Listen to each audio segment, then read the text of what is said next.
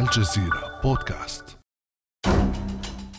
مرتديا بزته العسكرية جلس القائد العام للقوات المسلحة السودانية عبد الفتاح البرهان على كرسيه المذهب بقاعة الضيافة في القصر الرئاسي استعدادا للقاء ممثل وفود الوسطاء الإقليميين والدوليين.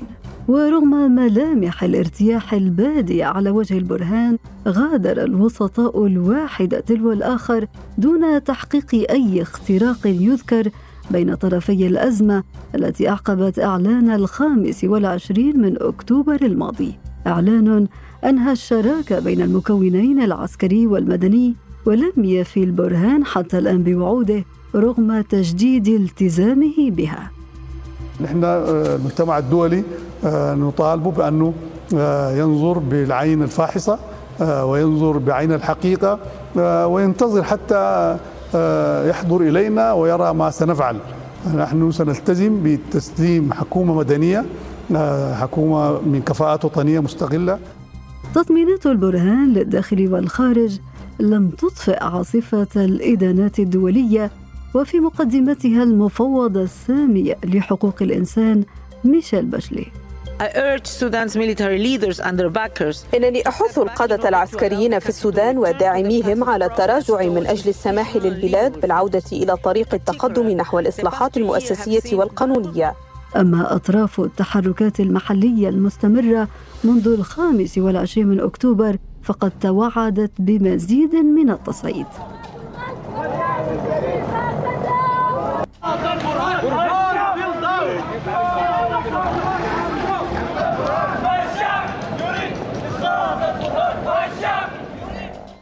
فكيف يبدو المشهد السياسي الحالي في السودان؟ وهل يمضي الجيش السوداني في فرض الأمر الواقع؟ وما فرص نجاح ضغوط الشارع والمجتمع الدولي في إعادة الحكم المدني للسودان؟ بعد أمس من الجزيرة بودكاست أنا أمال العريسي. ويسعدني أن أستضيف معي في هذه الحلقة الدكتور صلاح الزين الباحث والخبير في الشأن السوداني. أهلا وسهلا بك دكتور صلاح. أهلا وسهلا شكرا على الاستضافة مرة أخرى. في البداية دكتور صلاح كيف يبدو المشهد السياسي اليوم في السودان بعد أكثر من أسبوع على قرارات البرهان؟ المشهد السوداني طبعا بالمجمل يعني منذ أبريل 2019 بعد الاطاحه بالنظام السابق وبدأ المرحلة الانتقالية هذه إلى يومنا هذا يمكن ما قبل 25 أكتوبر وما بعد 25 هو مشهد بالغ التعقيد وبالغ السيولة لأنه يتحرك يعني مش على كل يوم وإنما أحيانا كل ساعة يكون هنالك مستجد. ففي متغيرات كثيرة ولكن إذا أردنا أن نوصف هذا المشهد فنركز على الأساسيات. في أساسيات المشهد السوداني أن الشراكة السياسية التي تكونت عقب إسقاط نظام البشير بين المكون العسكري الممثل في المجلس العسكري في ذلك الوقت وقوى الحرية والتغيير ووجود قوة سياسية أخرى كانت خارج هذه المعادلة ولكنها سلمت بالأمر الواقع باعتبار أن الترتيبات التي تم الاتفاق عليها في ذلك الوقت لإدارة الفترة الانتقالية. ما حدث بعد ذلك وقعت انقسامات داخل المكون المدني وحدث أيضا صراعات ما بين أطراف المكون المدني والمكون العسكري. فإحنا الآن دخلنا إلى مشهد صار معقدا جدا ليست قضية أنه فقط مكون مدني وعسكري وإنما حتى داخل المكون المدني هنالك يعني نذكر أن الحزب الشيوعي خرج عن قوى الحرية والتغيير ثم خرج أيضا تجمع المهنيين ثم انقسم الجزء الباقي كما نعرف. إلى قسمين تيار المركزي لقوى الحرية والتغيير وتيار ميثاق التوافق الوطني. ويضاف إلى ذلك تأثير الخارج على المشهد السوداني يعني وجود قوة إقليمية وقوة دولية لها تدخل واسع في الشأن السوداني وتأثير على المشهد. فالمشهد السوداني معقد بهذا السبب وهنالك أبعاد أخرى ليست على السطح ولكنها مهمة. يعني يجب أن لا ننسى أنه منذ نوفمبر من العام الماضي 2020 بعد توقيع اتفاقية السلام في جوبا عادت الحركات المسلحة وعادت بقواتها المسلحة. هذه الحركات لها قوة مسلحة تحمل السلاح بعض منه حتى موجود داخل العاصمة. هنالك المشهد العسكري أيضا معقد يعني ليست القوة المسلحة ممثلة فقط في القوات المسلحة النظامية. نعم هي القوة الرئيسية ولكن هنالك قوات الدعم السريع هنالك القوات التي تتبع للحركات التي وقعت. فالمشهد العسكري معقد يضاف إلى ذلك المشهد الاقتصادي والمعيشي الذي يعني يزداد سوءا يوما بعد يوم ويؤثر على حياة الناس العاديين إذا هناك انقسامات في المكون المدني، هناك أيضا تململ في الجانب العسكري، وأيضا وضع اقتصادي ينذر بتعقيد المشهد الذي هو أساسا معقد منذ الإطاحة بنظام البشير. ولكن المشكلة الأخرى التي طرحت بعدها هي محاولة ما يسمى بالانقلاب الفاشلة في الواحد والعشرين من سبتمبر الماضي وما تلاها من قرارات الخامس والعشرين من أكتوبر. السؤال المطروح الآن ما الذي حققه البرهان منذ الخامس والعشرين؟ الإجراءات التي اتخذها أو أعلن عنها الفريق البرهان في الخامس والعشرين من أكتوبر اقتضت بحل مجلس السيادة حل مجلس الوزراء تعطيل مواد في الوثيقة الدستورية وإعلان حالة الطوارئ. بناء على ذلك بدأت طبعا المشاورات والوساطات للتوافق على خطوة جديدة لتكليف رئيس وزراء بتشكيل حكومة مدنية من كفاءات وطنية مستقلة. ولكن في هذه الأثناء طبعا الفريق البرهان أصدر عدد من القرارات مست كثير من الشخصيات في المؤسسات الحكم والإدارة يعني وكلاء الوزارات مدراء البنوك الحكومية رؤساء مجالس إدارة بعض المؤسسات التجارية التابعة للدولة تم تغييرهم. جزء منها طبعا بمبررات أن هؤلاء الأشخاص انخرطوا عمليا في مناهضة السلطة الجديدة والدفع باتجاه عصيان مدني بمعنى عصيان مدني ليست تعبير سياسي للمواطنين العاديين بقدر ما أن موظفين في الدولة يدفعون باتجاه مناهضة الوضع الجديد فجرت عملية تغيير لهذه القيادة الإدارية. إلى الآن فيما يتعلق بتكوين حكومة كفاءات لم يحدث شيء. فيما يتعلق أيضا بالالتزامات الأخرى التي أعلنها الفريق البرهان ويتصل بتشكيل مجلس تشريعي يمثل الثوار فيما يتعلق بالشروع في تحضيرات الوضع الانتخابات لكن طبعا لا تنسى أن نحن نتحدث الآن على بعد أسبوعين منذ 25 من أكتوبر. ولكن البرهان وعد بأسبوع واحد لإعلان هذه الحكومة التي تعهد بها في الأثناء دكتور صلاح هناك وسطات دولية وسطات إقليمية بيانات من هنا وهناك تدعو البرهان إلى تفاوض أو إلى العودة إلى ما قبل الخامس والعشرين من أكتوبر إلى أين وصلت هذه الجهود دكتور صلاح؟ ومن المفارقة أنه في هذه الفترة منذ الإجراءات التي اتخذها برهان في 25 أكتوبر المؤسسة العسكرية قدمت نفسها أنها مؤسسة منظمة بقيادة واضحة معروفة. الشق المدني الذي يفترض أن تتم الترتيبات معه ما زال منقسما. وهذه واحد من الأشياء التي اصطدم بها حتى الوسطاء لأن الوسطاء عندما يتحدثون مع الجانب العسكري يتحدثون مع مؤسسة لها قيادتها. ولكن في الجانب المدني ما تزال حالة الانقسام قائمة حتى بين قوى الحرية والتغيير. المكونين الأساسيين اللذين خرجا من قوى الحرية والتغيير مجموعة الميثاق ومجموعة المجلس المركزي لم يتوافقا بالشكل الكامل. يعني ما هو الشق المدني الذي يفترض أن يتوافق مع العسكريين لإعلان مثلا اسم رئيس الوزراء الجديد أسماء الوزراء هنالك مشكلة جوهرية. وبالتالي الوساطات قدمت أطروحات وخطوط عريضة. بعض منها تسرب للإعلام حديث عن التوافق على مسألة الحكومة. يعطى فيها رئيس الوزراء مساحة لشكل حكومته وأن تعاد تشكيل المجلس السيادة بوجود ممثلين للأقاليم الستة. وهذه مؤشرات خرجت ولكن الإجراءات العملية لم تتم وواحدة من الأسباب الموضوعية. ربما تعود لأن حالة الانقسام ما تزال قائمة في الشق المدني. هنالك عقبة خلينا نقول عقبة هيكلية. في نقطة انقسامات المكون المدني هذه فرضية بنيت عليها أسباب تعطل مفاوضات تشكيل الحكومة ولكن في المقابل هذا الانقسام ناتج أساسا عن رفض قرارات الخامس والعشرين من أكتوبر والرجوع عن تطبيق الوثيقة الدستورية التي تم على أساس تأسيس هذه الشراكة. هنا نذكر تجمع المهنيين الذي هو يمثل الثقل للحراك في السودان. رفع لا أتي ثلاث قال لا تفاوض لا تقاسم للسلطة ولا حل وسط برأيك هنا المشكل هل هو في انقسامات التي شملت الجانب المدني أو في دخول السودان في لعبة التجاذبات الدولية؟ أو بكليهما. في واقع طبعا أولا النقطة الأولى أنه الانقسامات جاءت نتيجة قرارات الخامس والعشرين. من أكتوبر هذه قضية قد لا تكون دقيقة لأنه يجب أن لا ننسى أن حالة الانقسام حتى داخل قوى الحرية والتغيير كانت قائمة وأن هنالك مجموعة من قوى الحرية والتغيير اعتصمت قبل حوالي عشرة أيام في حدائق قصر الجمهوري قبل إعلان القرارات. كان في وفيها أطراف رئيسية من قوى ثم هنالك مجموعات خرجت عن كتلة الحرية. فيه الحزب الشيوعي خرج منذ أكثر من سنة وهنالك أيضا تجمع المهنيين. فإذا حالة الانقسام هي حالة سابقة للقرارات الأخيرة اللي صدرت الانقلاب العسكري في 25 أكتوبر. وكان المؤمل أن خطوة الانقلاب ينبغي أن توحد القوى المدنية أن هنالك خطرا داهما يتهدد مسيرة التحول الديمقراطي ويقتضي ذلك منهم تقديم تنازلات فيما بينهم قبل أن يتفاهموا مع العسكر. ولكن للأسف إلى هذه اللحظة التي نتحدث فيها لا يبدو أن الأمور اقتربت أكثر من خلق حالة توافق. هذه واحد النقطة الثانية بالإشارة لتجمع المهنيين. وتجمع المهنيين طبعا مؤسسة أو كيان له وضعه لأنه هو النواة التي تشكلت حولها قوى الحرية والتغيير وله دوره طبعا في تنظيم الاحتجاجات في 2018 و2019 التي عدت. فله هذه الرمزية المهمة ومواقفه لها قيمتها. ولكن آخر البيانات الصادرة من تجمع المهنيين طبعا طالب بعدة أشياء من بينها.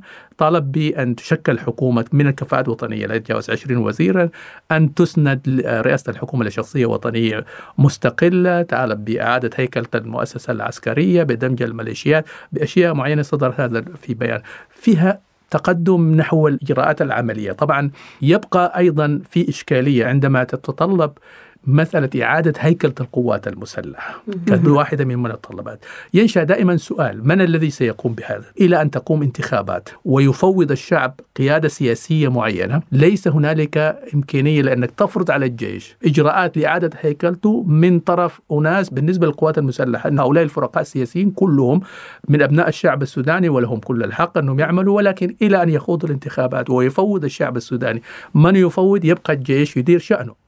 وهناك أيضا بعض المراقبين دكتور صلاح يرون في هذا المقترح الذي قدمه تجمع المهنيين السودانيين يعمق الأزمة ويدخلهم في مواجهة مع الجيش السوداني الذي يبدو أيضا وفق مراقبين استثمر في هذه الانقسامات.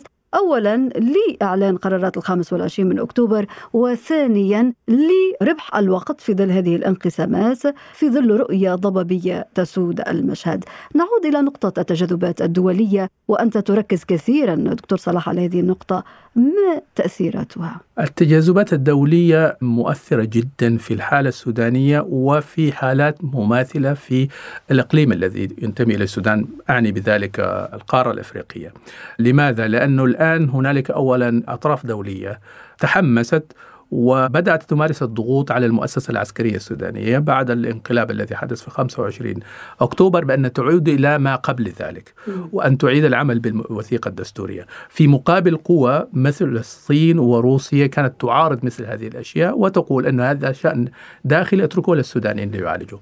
طبعا واحدة من المشاكل أنه الاستجابة للضغوط الغربية. ربطت بإيقاف المعونات الاقتصادية التي أعلنتها كثير من الأطراف. من بينها أمريكا أعلنت وقف مساعداتها المالية. هنالك مخاطر لإيقاف المساعدات القادمة للبنك الدولي وصندوق النقد.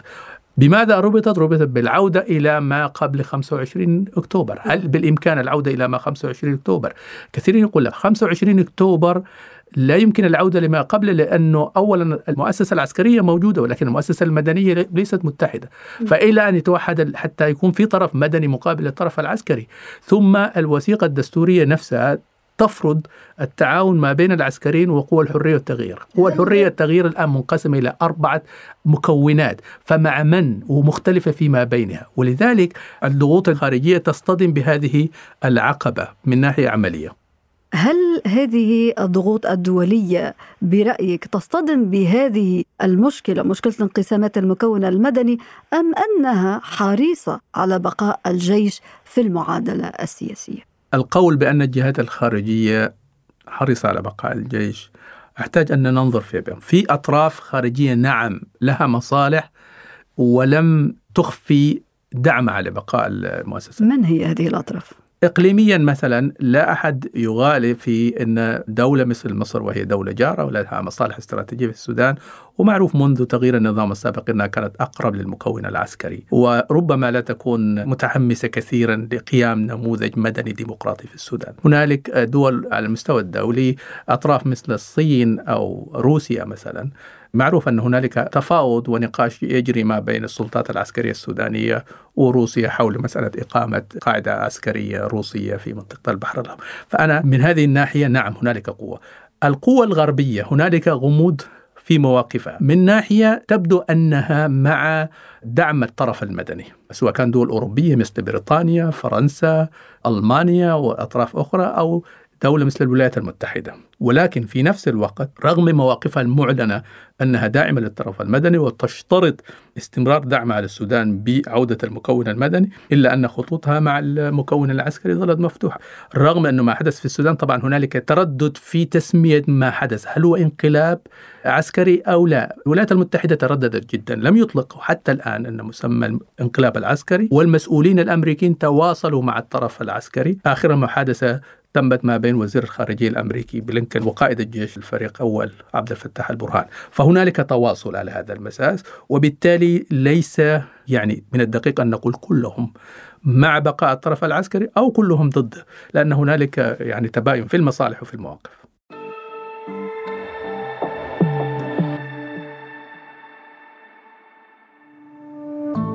ابقى على تواصل مستمر مع الجزيرة بودكاست ولا تنسى تفعيل زر الاشتراك الموجود على تطبيقك لتصلك الحلقة يومياً.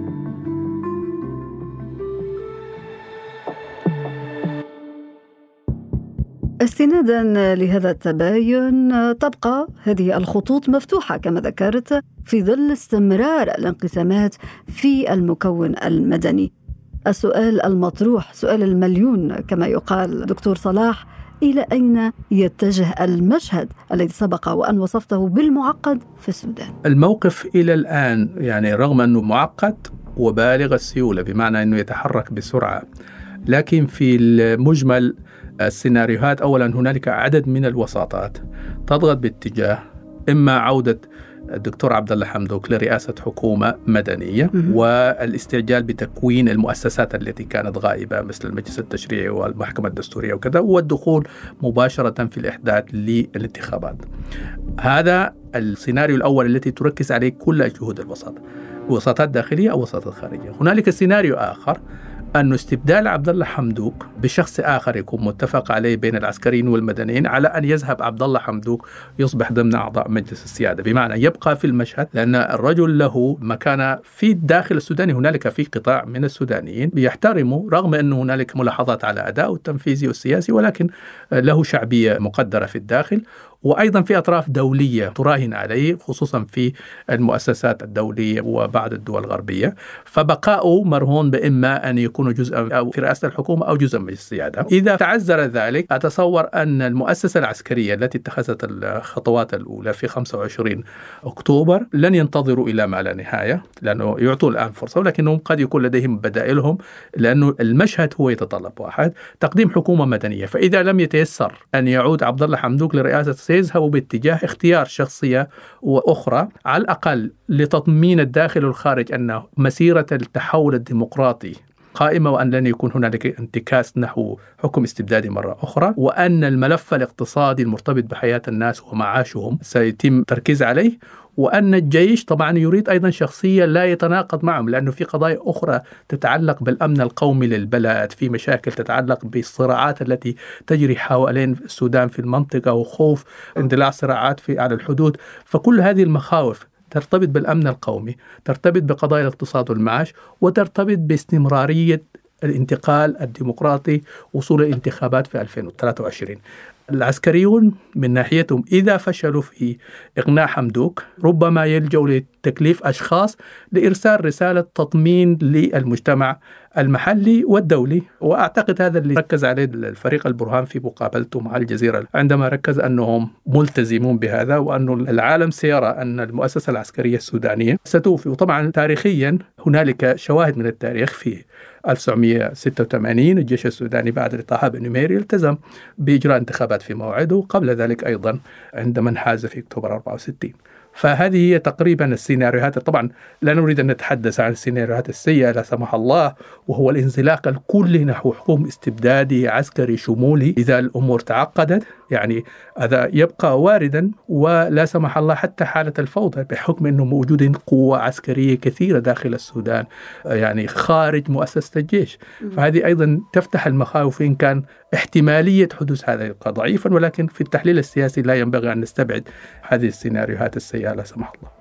وبالإجمال استنادا لرأيك دكتور صلاح لا عودة لما قبل الخامس والعشرين من أكتوبر. من الناحية العملية يبدو أن العودة لم تعد ممكنة بسبب أن الوثيقة الدستورية تشترط تعامل بين العسكريين وقوى الحرية والتغيير. قوى الحرية والتغيير لم تعد موجودة بنفس تشكيلاتها السابقة. الدكتور صلاح الزين الباحث والخبير في الشأن السوداني شكرا جزيلا لك. شكرا جزيلا. كان هذا بعد أمس.